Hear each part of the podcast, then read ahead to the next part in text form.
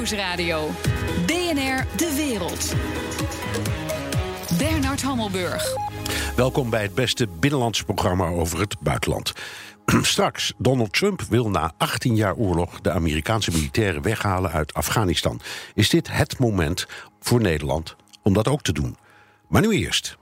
This is the man they call the father of the revolution.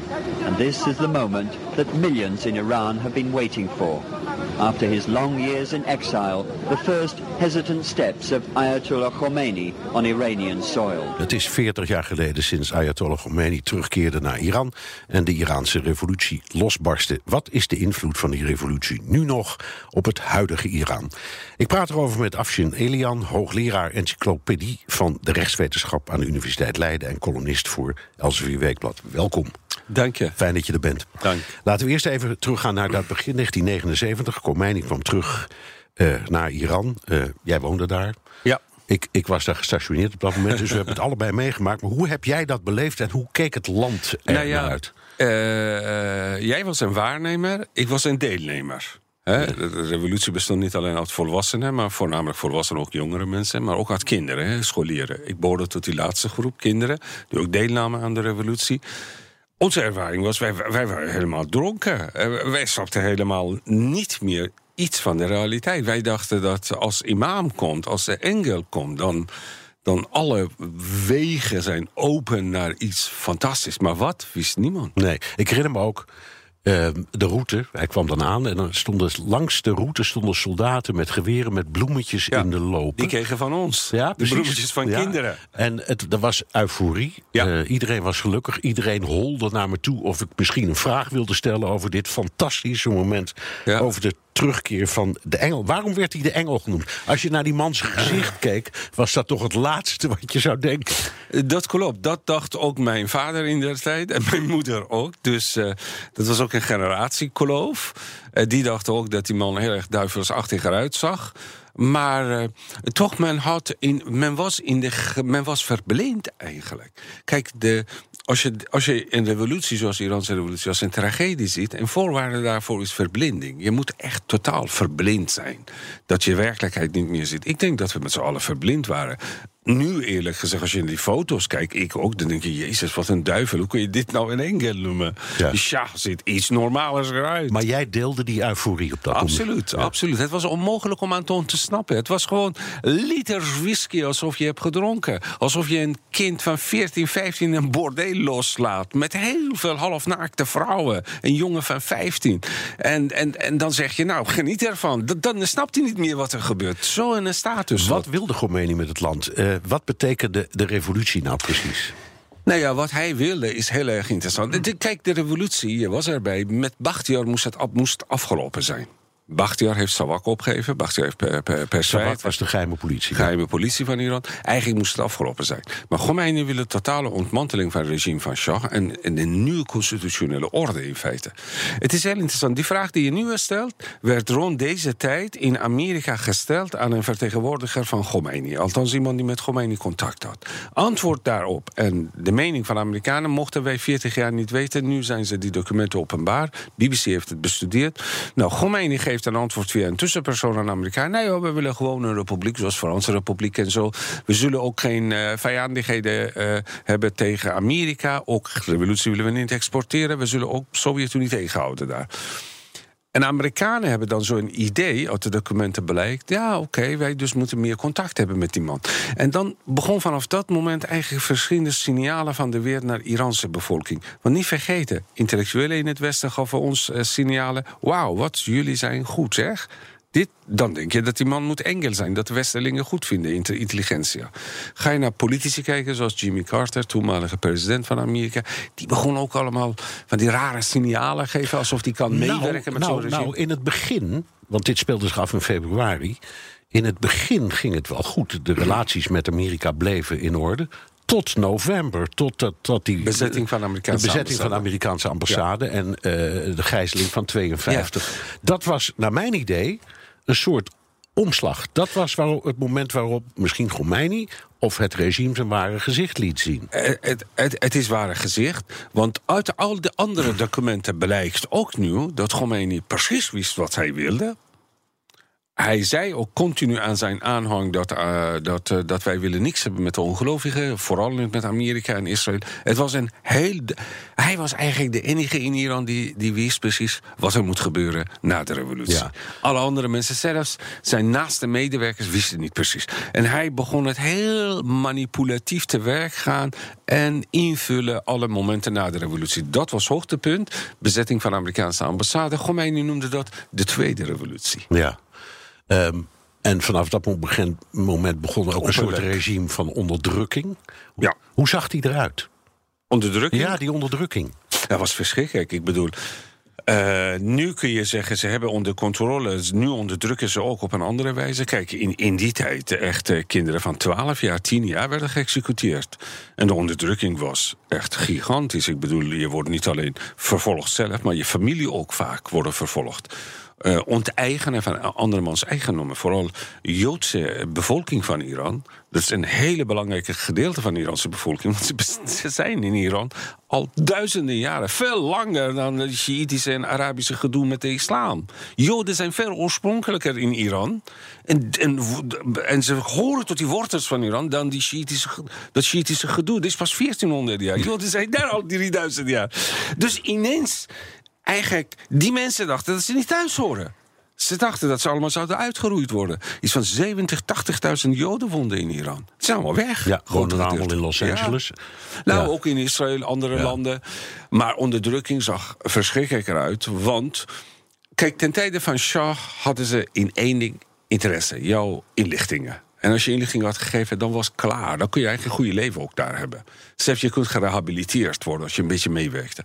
Bij Khomeini, dan moet je denken aan het Stalinisme en die laatste dagen van naziregime. Ze willen niet alleen inlichtingen, maar ze willen bekering. Dus bekennen en bekeren. Je moet openbaar zeggen dat je een rat was, dat je verkeerde ideeën had, dat je tegen Allah in opstand was gekomen. En je moest bekennen ook dat je een slecht mens bent. Ja, jij bent uiteindelijk vertrokken gevlucht, kun je dat zo zeggen? Ondergedoken, gevlucht, ja. Vertel, hoe, hoe en, en... Nou ja, dat, kijk, in die tijd... Uh, Khomeini was heel slim. Niet alle politieke partijen in één klap heeft hij aangepakt. Stap voor stap. Eigenlijk de eerste twee jaar alleen maar liberalen en monarchisten werden aangepakt. En sommige linkse groepen, vooral Koerden. Daarna begon hij over andere linkse groepen... die overigens helemaal niet gewapend waren. Geen enkele groep was gewapend, behalve Mujahideen begon hij aan te pakken. Nou ja, kijk, ik, ik, kon samenwerken met inlichtingendiensten. Dat, dat is wat ze eisten af. Je kunt onderduiken. Ik besloot te onderduiken. Daarna, ja, dat, was heel moeilijk. Want heel veel mensen zijn op een gegeven moment bang voor je. Ik was toen 17 jaar oud, dus ik moest van de ene plek naar de andere plek. Van alles heb ik gedaan, zelfs in een kerkhof een keer geslapen. Uiteindelijk dacht ik, dit is niet overleven. Want er was nog een ander probleem, aanvullende probleem. Namelijk, uh, zodra ik zou 18 zijn, kon ik ook aangehouden worden voor militaire dienst. Dus ik kon op verschillende manieren gecontroleerd worden. En ze richten ook al hun focus op minderjarigen. Want die maakten deel uit van die harde kern van linkse en liberale beweging. Toen op een gegeven moment gevlucht naar Pakistan. En uh, te voet, uh, met de kameel. Een beest dat ik niemand aanraad om mee te rijden. Ik had ook nooit gezien in Iran. Voor de eerste keer heb ik het daar gezien, toen ik moest vluchten. En daarna uh, een tijdje in Afghanistan. Want uh, die, die leuze opvang in de eigen regio hadden wij al lang ontdekt. Want wij willen echt terug. In die zin, Polkestein heeft gelijk. Echte politieke vluchteling. Er staat niet te peupelen om naar Westen te komen. Nee, wij willen terug. We dachten, nou weet je, die, dit regime zoveel heeft geëxecuteerd. Je moet niet vergeten, in 1988, binnen een paar weken hebben ze duizenden geëxecuteerd. Massaal. Van de rechtbanken van vijf minuten hebben ze gehouden. Dus we dachten, nou, we kunnen terug. Nou, we kunnen naar Irak gaan. Dat, uh, dat wil ik niet, want het was oorlog tussen Irak en Irak. Maar er waren groepen die daar naartoe gingen, Koerden vooral, en Mujahideen. En meeste links en liberalen gekozen hadden Pakistan, Afghanistan, die kant even kijken of je daar kunt rondhangen. Maar uiteindelijk, dat, dat werd allemaal niks. Dat was onmogelijk. Dat regime ja. was hele andere dan we dachten. Um, er is oppositie. Daar gaan we direct nog wel meer over praten. Maar kun je zeggen dat wat de mensen toen wilden was een revolutie zonder democratie. En wat sommigen nu willen is een democratie zonder revolutie? Dit een hele mooie gezegde. Ze willen nieuwe democratie zonder revolutie. Absoluut. Eh, ze zijn doodsbang voor het fenomeen revolutie. Maar als je kijkt nu naar gebeurtenissen in Venezuela Ik denk dat naast Maduro, er is één man op aarde die heel nauwkeurig volgt berichten van Venezuela. En die heet Gamenei. Die heet Gamenei. Wat, wat in Venezuela gebeurt, dat kan in Iran ook gebeuren. Ze zijn bondgenoten van elkaar, ze verdedigen elkaar continu. Gamenei heeft mogelijk gemaakt dat Hezbollah zou aanwezig zijn in Venezuela. En daar hebben ze ook contacten met al die kartels uh, aangelegd. Maar in ieder geval, stel je voor dat in Venezuela zou iets vreedzaam gebeuren, dat kan een model staan voor Iran. Maar zou dan confrontatie ontstaan, dan, dan dat is juist heel gevaarlijk. Want heel veel mensen worden ook bang in Iran. Want die willen geen confrontatie. Kijk, in het Midden-Oosten zijn landen uiteengevallen. door die burgeroorlog en confrontaties. Maar we moeten niet uit toch verlezen. In 2009 hebben de bevolking heeft geprobeerd op vreedzame wijze ja. hervormingen teweeg te brengen. Is niet gelukt. Dus we moeten zien, nee, je hebt gelijk. In 1979 uh, willen ze. Uh, ze, ze hebben een republiek opgericht ja. zonder republikeinen. Ja. Nu hebben wij heel veel republikeinen, maar geen republiek. Zodra na Amerika is ook Europa boos op hoe Iran Syrië, raketten, het terroriseren van tegenstanders in het buitenland. Gaat nu echt de trekker uit de Iran-deal? BNR Nieuwsradio. BNR De Wereld. Mijn gast Afshin Elian, hoogleraar encyclopedie van de rechtswetenschap aan de Universiteit Leiden en columnist voor Elsevier. We remain firmly committed to the historic 2015 nuclear deal struck with Iran, the Joint Comprehensive Plan of Action for as long as Iran keeps implementing it fully. Dat was de Britse minister van Buitenlandse Zaken Jeremy Hunt. Ook Europa is boos op Iran vanwege de aanhoudende rakettesten en de invloed in conflicten in het Midden-Oosten en misschien, zoals we het net bespraken, ook in Venezuela. Toch wil Europa de nucleaire deal met het land hoe dan ook in stand houden. Waarom eigenlijk? Uh, Afshan, uh, de Europeanen geven Donald Trump gelijk over al die misdragingen. Moet Europa dan niet ook gewoon de stekker uit die Iran-deal trekken? Nee, denk ik. Ik denk dat de beste positie uh, heeft het Westen op dit moment richting Iran. Je hebt Amerika die sancties heeft aangekondigd. Fantastisch. Daar worden ze onder druk gezet om, hun, om te stoppen met Libanon en Hamas en uh, Syrië en dat soort vraagstukken. En meer transparantie bieden voor hun raketprogramma's. Je hebt nu Europese Unie die zegt: Nou ja, als je voordelen wil nog behalen van dat nucleaire deal. Ja, blijf bij. Wij blijven ook bij. Maar je moet wel even beginnen over de uh, ballistische raket even gesprek worden. Waarom 2000 kilometer? Waarom dus, dus in de deal blijven betekent... Dit is een nachtmerrie voor Khamenei nu. Dan heb je een onderhandelingspositie ja. en anders heb je niks meer. Is dan heb je niks meer. Maar ook een nachtmerrie voor Khamenei. Zou Khamenei nu zeggen, wij willen uit de deal... Dat wordt heel moeilijk voor zijn bevolking uit te leggen. Maar wacht even, Europeanen wilden het toch. Hij is gegijzeld nu. En moet hij elke dag horen wat Europeanen van hem verwachten. Namelijk op het gebied van ballistische raketten. Ja, Europa komt nou met een speciaal eigen betaalsysteem. Ja. Om, om olie te kunnen ja, een hele ingewikkeld systeem. Ja. Overigens, grote bedrijven zijn doodsbang om contracten aan te gaan ja, met Iran. Dat doen ze echt niet. Nee, een aantal grote bedrijven is ook weer terug, terug zeker, gestapt zeker. uit hun plannen. Is dit symboolpolitiek, die, uh, die speciale... Uh, nou ja, deels symboolpolitiek. Deels ook goed voor klein middenbedrijven. Want je moet niet vergeten, veel klein middenbedrijven hebben contracten met Iran. Maar voor iets als Volkswagen, voor iets als Benz, voor iets als BMW is het zinloos, dit soort constructies. Want ze hebben ook bedrijven in Amerika. Dan worden ze gepakt door het Amerikaanse ministerie ja. op dat gebied. Dus ze willen niet. Het, het, ik denk niet dat Iran zou echt heel goed helpen. Kijk, het zou anders geweest zijn als aanvankelijk helemaal aan het begin Europa en Amerika gezamenlijk hadden tegen Iran gezegd wat Trump had gedaan. Ik geef je. Trump had een ultimatum gesteld hè, van drie maanden. Ja. Ga nadenken. We breken uh, verdrag open, we gaan met, met elkaar praten. We gaan een ander systeem maken, ook voor ballistische raketten. Iran heeft niet aanvaard. Als toen Europa had zich aangesloten bij Amerika, denk ik een verstandige zet zou geweest zijn. Maar dat hebben ze niet gedaan. Maar nu is uh, nee, maar dat kwam, dat kwam ook wel omdat Trump heel eigenhandig handelde zonder enig overleg met de Europeanen. Dus ja, nou ja, okay, dat, dat is Trump. Want uiteindelijk moest je kijken. Je, maar moet het... je zegt het was handiger geweest als Brussel even ja. had nagedacht en gezegd: we doen mee aan deze. Ja, want je moet niet vergeten, als je gaat vanuit de handelingen en gedragingen van Trump je gedrag afstemmen, dan ben je heel verkeerd bezig. Want dan ben je, word je elke dag teleurgesteld.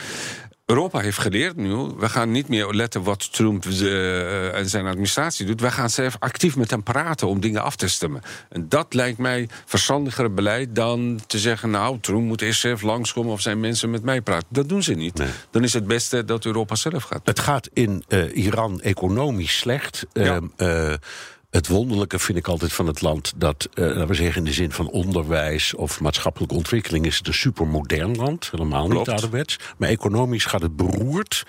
Uh, dat heeft uh, te maken. Zeg, zeggen heel veel Iraniërs met dat geld smijten in, Ja. in Syrië, misschien in Venezuela. Al die buitenlandse avonturen hebben die inderdaad zo'n invloed op de economie? Zeker. Kijk, er zijn verschillende factoren.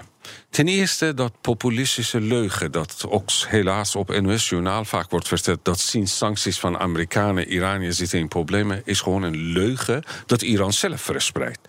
Want niet vergeten, eerste demonstraties vanwege verslechterde economische toestand hebben plaatsgevonden al acht maanden voordat Trump zich teruggetrokken had van een nucleaire deal.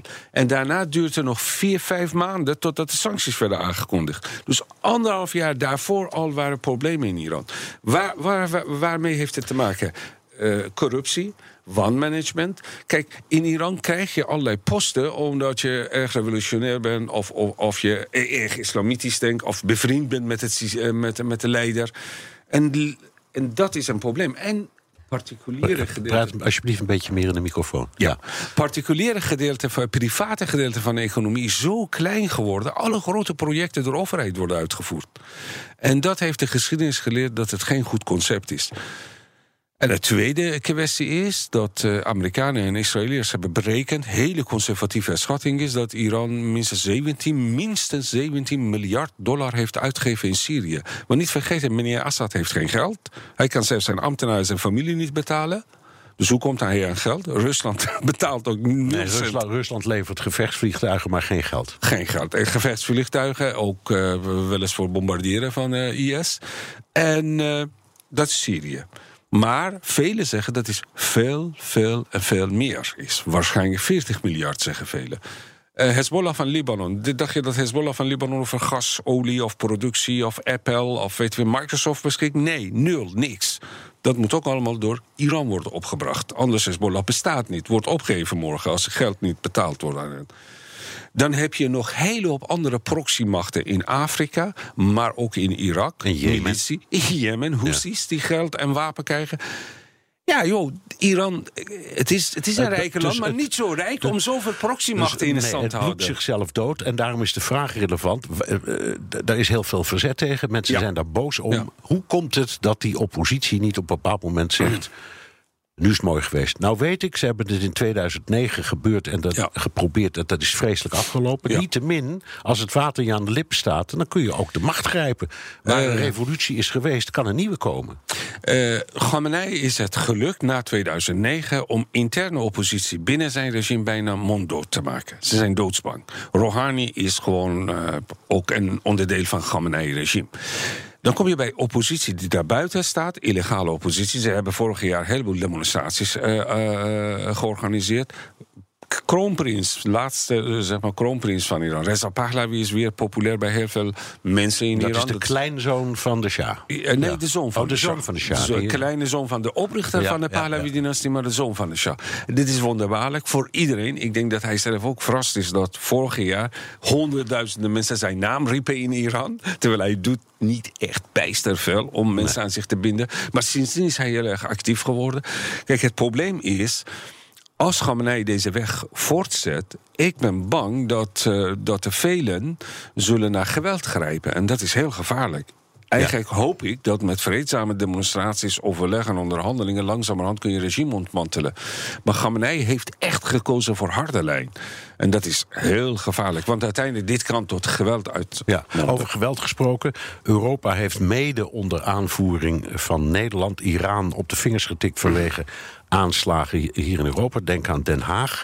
Um, hoe vind je dat de overheid met deze dingen omgaat? Nou ja, voor de eerste keer, in ieder geval onder leiding van Nederland... en uh, daarna Frankrijk en uh, België hebben zich aangesloten... en Groot-Brittannië en Duitsland... heeft echt serieus gereageerd op die activiteiten van Quds, dus buitenlandse arm van revolutionaire garde en inlichtingendienst van Iran. Het zijn niet de eerste moorden die, uh, die ze plegen. Zo'n meer dan 150 of zo Iraniërs zijn afgelopen 20 jaar zijn gedood in Europa. Maar ze werden nooit gehoord, eigenlijk serieus. Nu voor de eerste keer worden ze niet alleen gehoord, sancties worden aangekondigd. En die sancties zijn niet limitatief, dus ze kunnen vooralsnog andere, andere organisaties van Iran aan toegevoegd worden. Ik vind dat ze advocaat hebben gereageerd. Ja, dus Iran heeft een netwerk dat buiten Iran opereert. Enorme netwerk, In, in, Europa ook. En, ja. en wat voor invloed heeft dat op de diaspora, waar jij zelf ook deel van uitmaakt?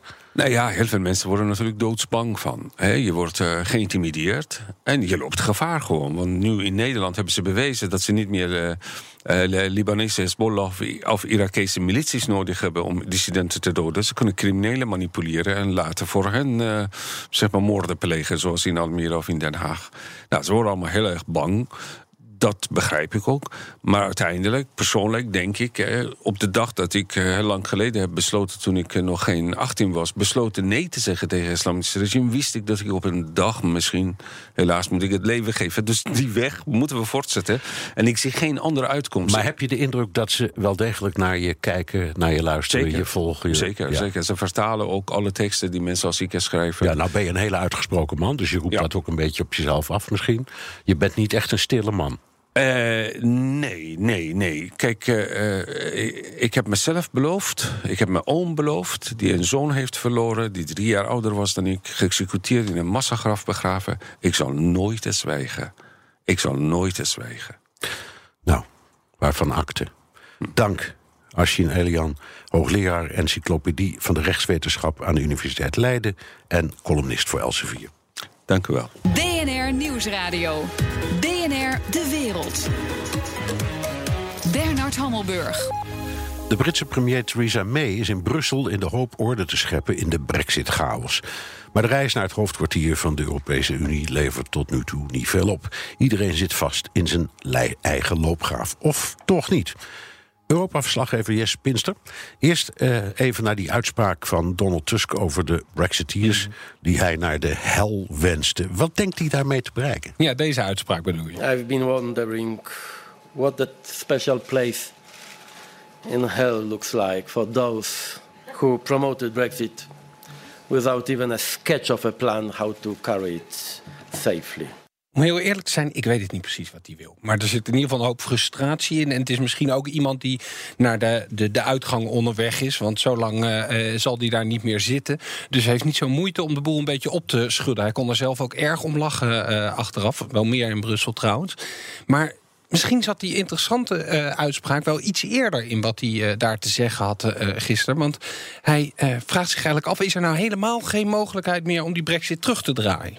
At the moment, the pro-Brexit stance of the UK Prime Minister and the leader of the opposition rules out this question.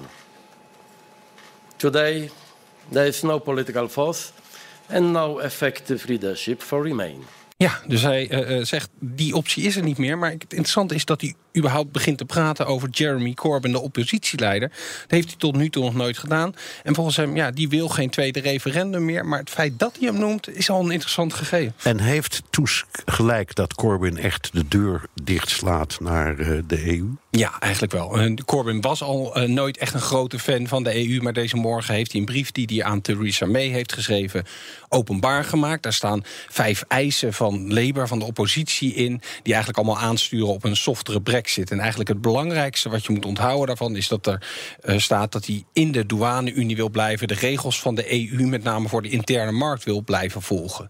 En ja, iedereen zit dus in die loopgraven, zoals je het zei, in Londen, in Brussel. En waar May nu mee bezig is, dat plan lijkt gewoon niet realistisch. Weet je, daar komt ze niet uit. Daar is ze ingestuurd met die door die fanatieke Brexiteers, die dus blijkbaar naar de hel moeten allemaal. En het plan van Corbyn is een stuk realistischer, omdat hij niet zegt: we gaan het scheidingsakkoord openbreken, waarvan die Britten zeggen, of de Europeanen zeggen dat gaan we nooit doen. Hij zegt: dit kunnen we allemaal regelen in die politieke verklaring over hoe we onze toekomstige relatie willen gaan inrichten. Ja, inlegvel. Een soort inlegveld. Ja. Is het een plan waar ze aan de EU-kant enthousiast van worden? Nou ja, het is een softere brexit. En ze zeggen ook iedere keer... ik hoor Barnier, sprak ik heel kort maandag eh, nog eventjes in Den Haag... en die zegt ook, weet je, als Theresa May al die rode lijnen wil loslaten. En dat is eigenlijk wat er in dit plan staat. Dan kunnen we er best over praten. Nou zit er wel ook wishful thinking hoor in dit plan van Corbyn. Want hij zegt bijvoorbeeld ook dat het Verenigd Koninkrijk moet gaan meebeslissen over handelsakkoorden die Europa sluit met andere landen. Nou, er is geen enkel land buiten de EU wat kan meebeslissen daarover. Maar er zijn EU-functionarissen die tegen de Britse krant The Guardian zeggen: nou ja.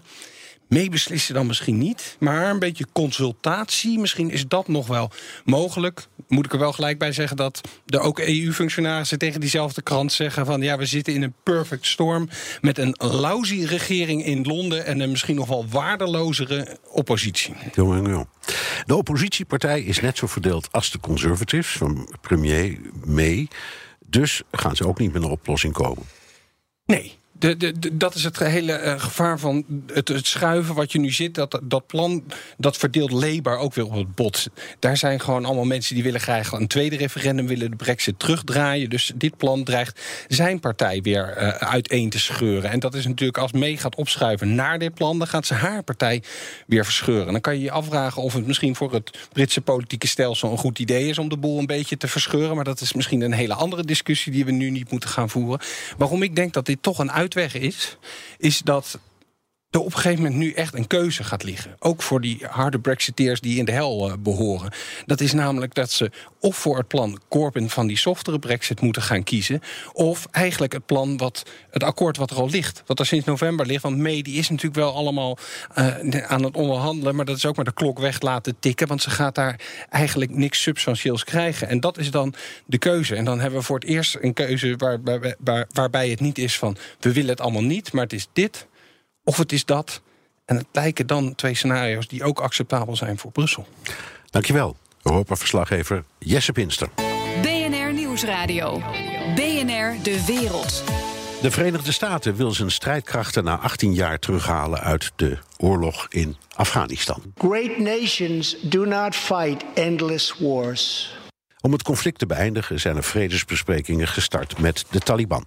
Ik praat erover met Stuart Sjoerdsma, buitenlandwoordvoerder voor D66. Na 18 jaar zegt Trump: het is genoeg geweest. Er is heel veel geld uitgegeven. Uh, ik geloof meer dan 1 biljoen dollar inmiddels. Uh, het is nu iets van 45 miljard per jaar. Iedereen is moe van deze oorlog. Bent u het met hem eens? Ik zou ook heel graag zeggen dat het genoeg geweest is. Want als je dat zegt, dan zeg je feitelijk dat de missie in Afghanistan klaar is. Dat dat land geen vrijhaven meer is voor terroristen. En dat de vooruitgang die we daar hebben geboekt op het gebied van democratie, maar ook op het gebied van bijvoorbeeld op vrouwenrechten, dat dat stevig genoeg is. Maar ik, ik vrees eigenlijk dat we moeten concluderen dat dat nog niet het geval is. Nee, maar goed, uh, we denken nu, Trump komt daar plotseling mee. Dat is niet helemaal waar. Obama wilde ook al weg. Die had het, ik meen, in zijn verkiezingscampagne al over de zero option in Afghanistan. Uh, dus ja, in, in feite denkt, denk ik dan Trump helemaal niet zo anders dan Obama. Dus je kan het je dan toch ook wel voorstellen. Nou het ingewikkelde is, Obama had inderdaad eh, die belofte in de campagne... en vervolgens heeft hij de Amerikaanse aanwezigheid... de Amerikaanse troepen in Afghanistan juist geïntensiveerd. En het vervelende hier is natuurlijk ook dat de Amerikanen binnen de NAVO... eigenlijk eind vorig jaar nog hadden gezegd naar alle NAVO-bondgenoten, onder Nederland... jongens, we moeten juist onze militaire aanwezigheid in Afghanistan versterken. Die moeten we intensiveren. Om ervoor te zorgen dat we die beslissende slag tegen de Taliban kunnen maken... maar ook om ervoor te zorgen dat de onderhandelingspositie van de Afghaanse regering... dat die steviger was ten opzichte van de Taliban. En het rare is, enkele maanden later eh, zegt Trump nou precies het tegenovergestelde. Eerst vraagt hij ons, jongens, doe er een stapje bij... en dan doet hij zelf opeens uh, eigenlijk onaangekondigd een stapje terug. En, ja, en dat is een zigzagstrategie die helaas geen vruchten zal Nee, maar het is, het is niet de eerste keer. Je ziet eigenlijk een beetje een herhaling van wat zich ooit heeft afgespeeld in uh, Vietnam. Hmm. Dat, die oorlog heeft twaalf jaar geduurd, maar op een moment zei uh, de toenmalige president Nixon: Ik kan hier niet winnen. Dus we gaan onderhandelen met de vijand, rechtstreeks buiten de Zuid-Vietnamezen om. En dat doen de Amerikanen nu eigenlijk weer.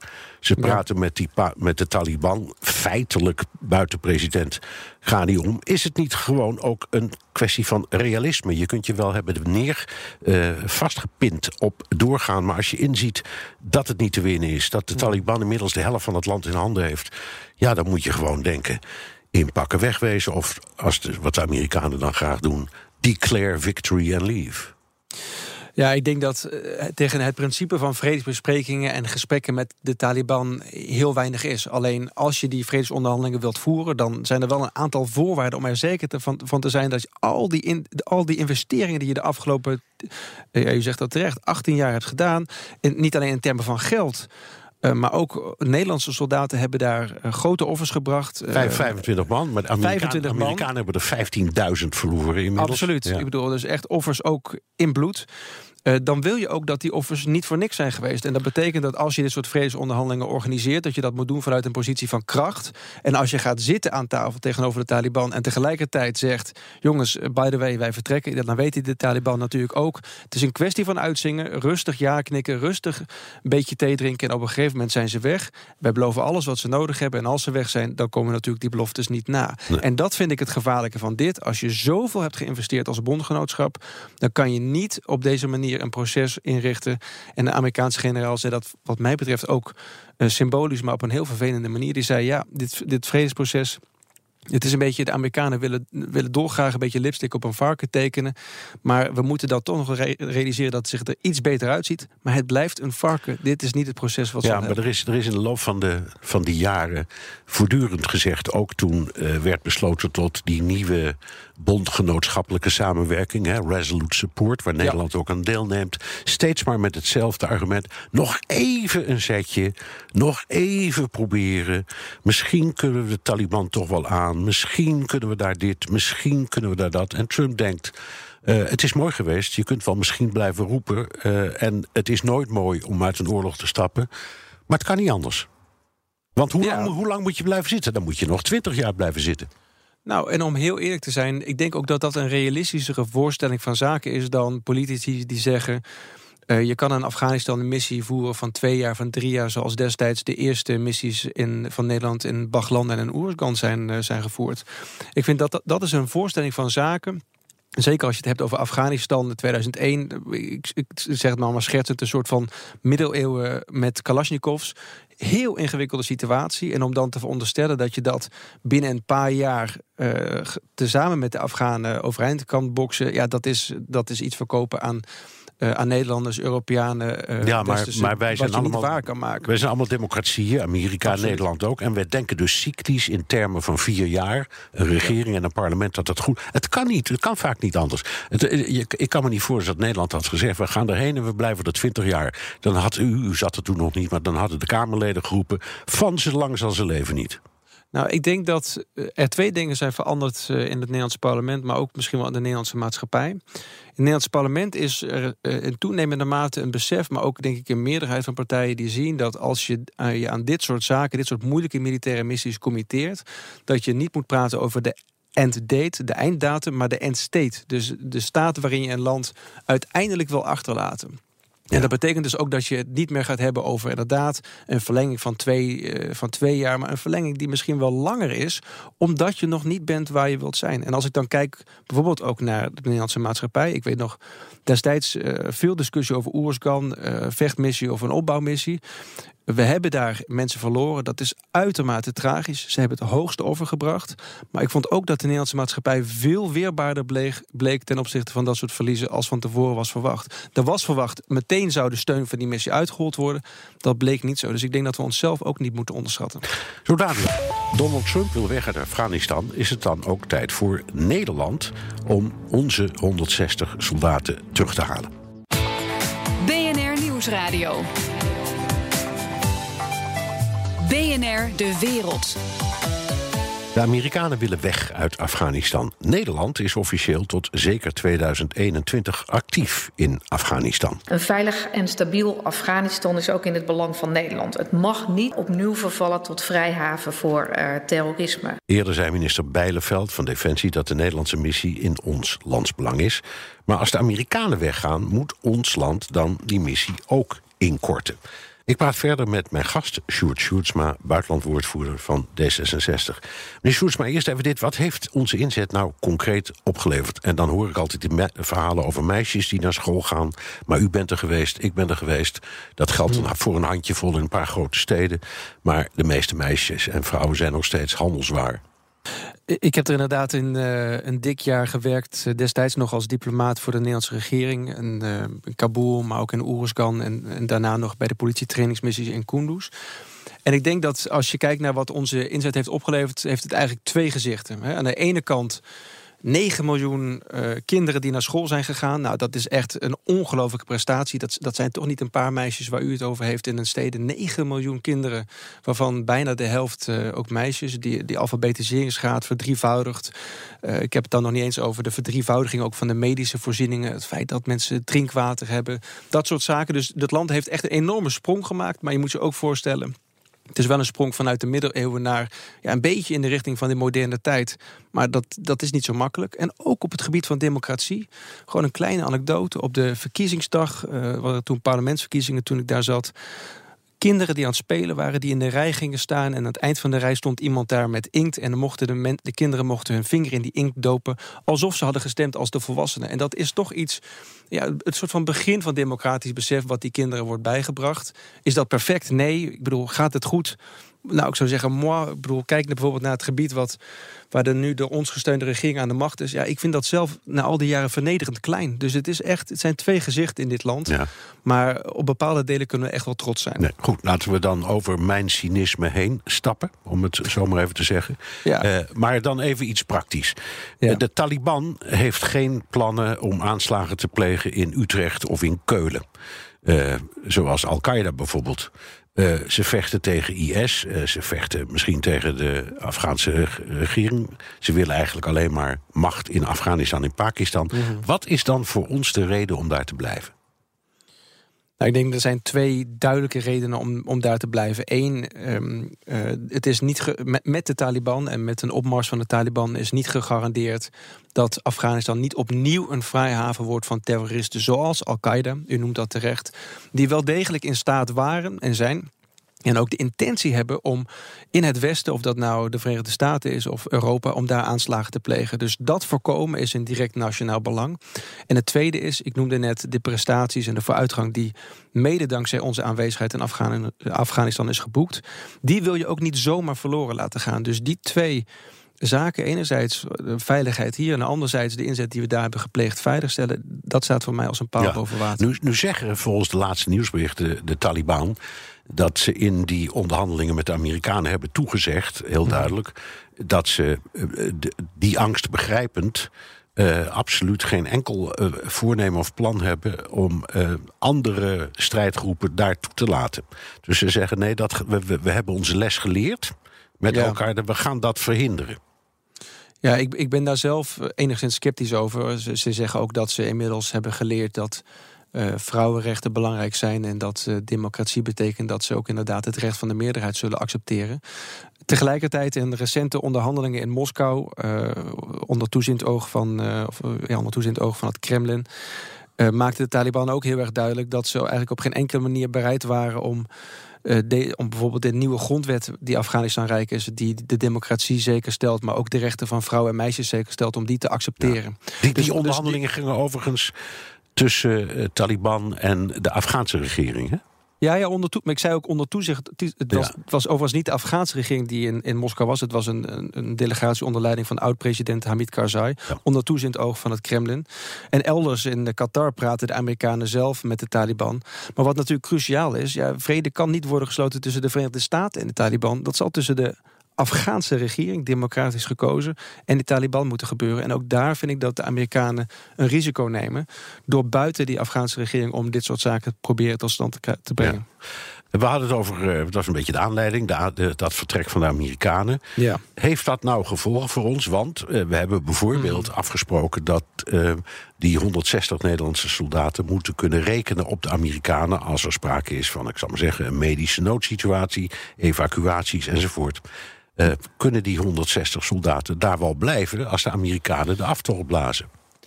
Ja, daar is op dit moment veel onduidelijkheid over. Uh, er is recent een, brief vanuit het kabinet gekomen dat stelt dat het kabinet ook volkomen verrast was door deze plotselinge Amerikaanse terugtocht. Maar dat die Amerikaanse terugtocht op de, in de praktijk, op de grond, nog niet heeft aangevangen.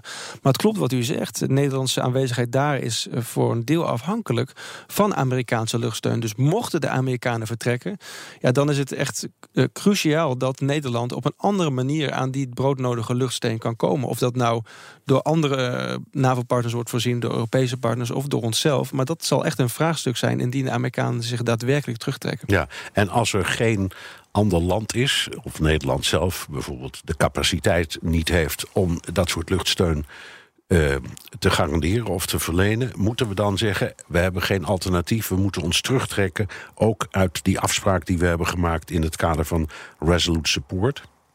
Ja, kijk, Nederland heeft zich altijd een heel trouwe partner van de Afghaanse regering getoond. Dus ook altijd de beloftes nagekomen als wij uh, troepen hebben toegezegd. Maar wat wel zo is, het kabinet heeft deze missie uitgestuurd naar Mazar in het noorden van Afghanistan. Onder een aantal voorwaarden. En een van die voorwaarden, en dat is ook iets waar het parlement, niet alleen D66, maar het hele parlement enorm aan hecht. Dat zijn de voorwaarden als het gaat om medische voorzieningen, medische evacuatie. Maar ook luchtsteun als de, de grond uh, te heet onder hun voeten wordt. Kijk, als die voorwaarden wegvallen, dan is er denk ik geen twijfel over mogelijk. Dan zal Kamer en kabinet het eens zijn. Dan kan je daar niet blijven. Maar nu moet alles erop gericht zijn om de Amerikanen te bewegen daar te, te laten blijven. Zodat die voorwaarden gewoon gegarandeerd zijn. Ja, maar als je Trump hoort over Afghanistan, trouwens ook over Syrië, ja. uh, nu net weer. Nou ja, dan we moeten niet naïef zijn. Uh, de, de, nee, kans, de, de, de, kans, dat... de kans dat hij zegt: Oké, okay, ik, ik kom tot andere gedachten, ik laat die soldaten daar voorlopig zitten. Nou, die lijkt me heel gering. Dat lijkt mij ook gering. Tegelijkertijd uh, zien we ook dat uh, in de Senaat, uh, volgens mij gisteren is er een grote resolutie aangenomen waar, met meerderheid, niet alleen van de republikeinse stemmen daar, maar ook van de democratische stemmen, die Trump oproept om niet tot deze terugtrekking over te gaan. Je ziet ook een grote weerzin bij Amerikaanse generaals, Amerikaanse inlichtingendiensten om dit op deze manier te doen. Dus het laatste woord is daar nog niet gezegd, maar u hebt helemaal gelijk. Wij moeten wel voorbereid zijn op, het, op, op dit soort verrassingen.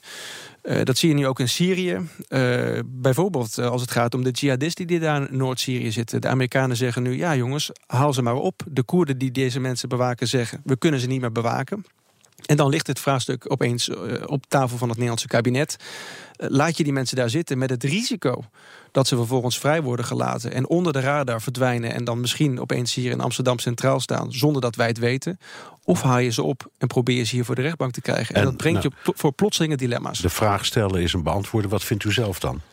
Ja, ik vind als je, als je naar die situatie kijkt, dan zal, zullen wij alles op alles moeten zetten om te voorkomen dat de Koerden deze mensen vrijlaten zo, zonder dat wij dat weten en dat ze daar onder de radar verdwijnen. Want dat is gewoon de meest gevaarlijke situatie. Dit zijn echt mensen die uh, gevaarlijke dingen hebben gedaan, vaak bloed aan hun handen hebben en die kun je niet onder de radar naar Nederland laten komen. Dat moet je dan op zijn minst gecontroleerd doen. Ja, uh, uh, Trump zei nu net nog, afgelopen etmaal ehm, het kalifaat is wat verslagen. Volgende week is het zover. Ja. En, en hij veegt ook de argumenten die u net noemt van zijn eigen militaire staf gewoon van tafel. Ja. Uh, hij zegt ja, daarmee dan is het verhaal over. Dan, dan, is het gewoon, dan zijn we weg, inpakken, wegwezen. Ja, op die manier politieke punten scoren is, uh, klinkt heel verleidelijk. Maar tegelijkertijd laat ik in herinnering roepen hoe dat uh, niet zo lang geleden ging met IS. Toen waren er nog uh, enkele honderden strijdkrachten over. Hadden de Amerikanen de top 30 op, op drie na in enkele weken omgelegd. hebben ze ook de overwinning op IS verklaard. Maar de overgebleven leider al-Baghdadi is het toen gelukt om vanuit die penibele positie uh, eigenlijk uh, ja, twee derde van Syrië, uh, een derde, bijna de helft van Irak bezet te krijgen. Dus om nu, op dit moment, omdat, ze, omdat IS geen grondgebied meer heeft, te zeggen de overwinning uit te roepen, vind ik eigenlijk naïef en ook veel te voorbarig.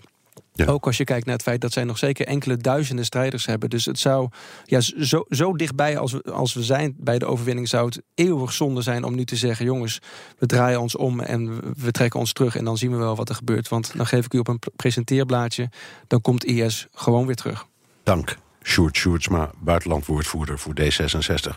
En tot zover BNR De Wereld. Terugluisteren kan via de site, de app, iTunes of Spotify.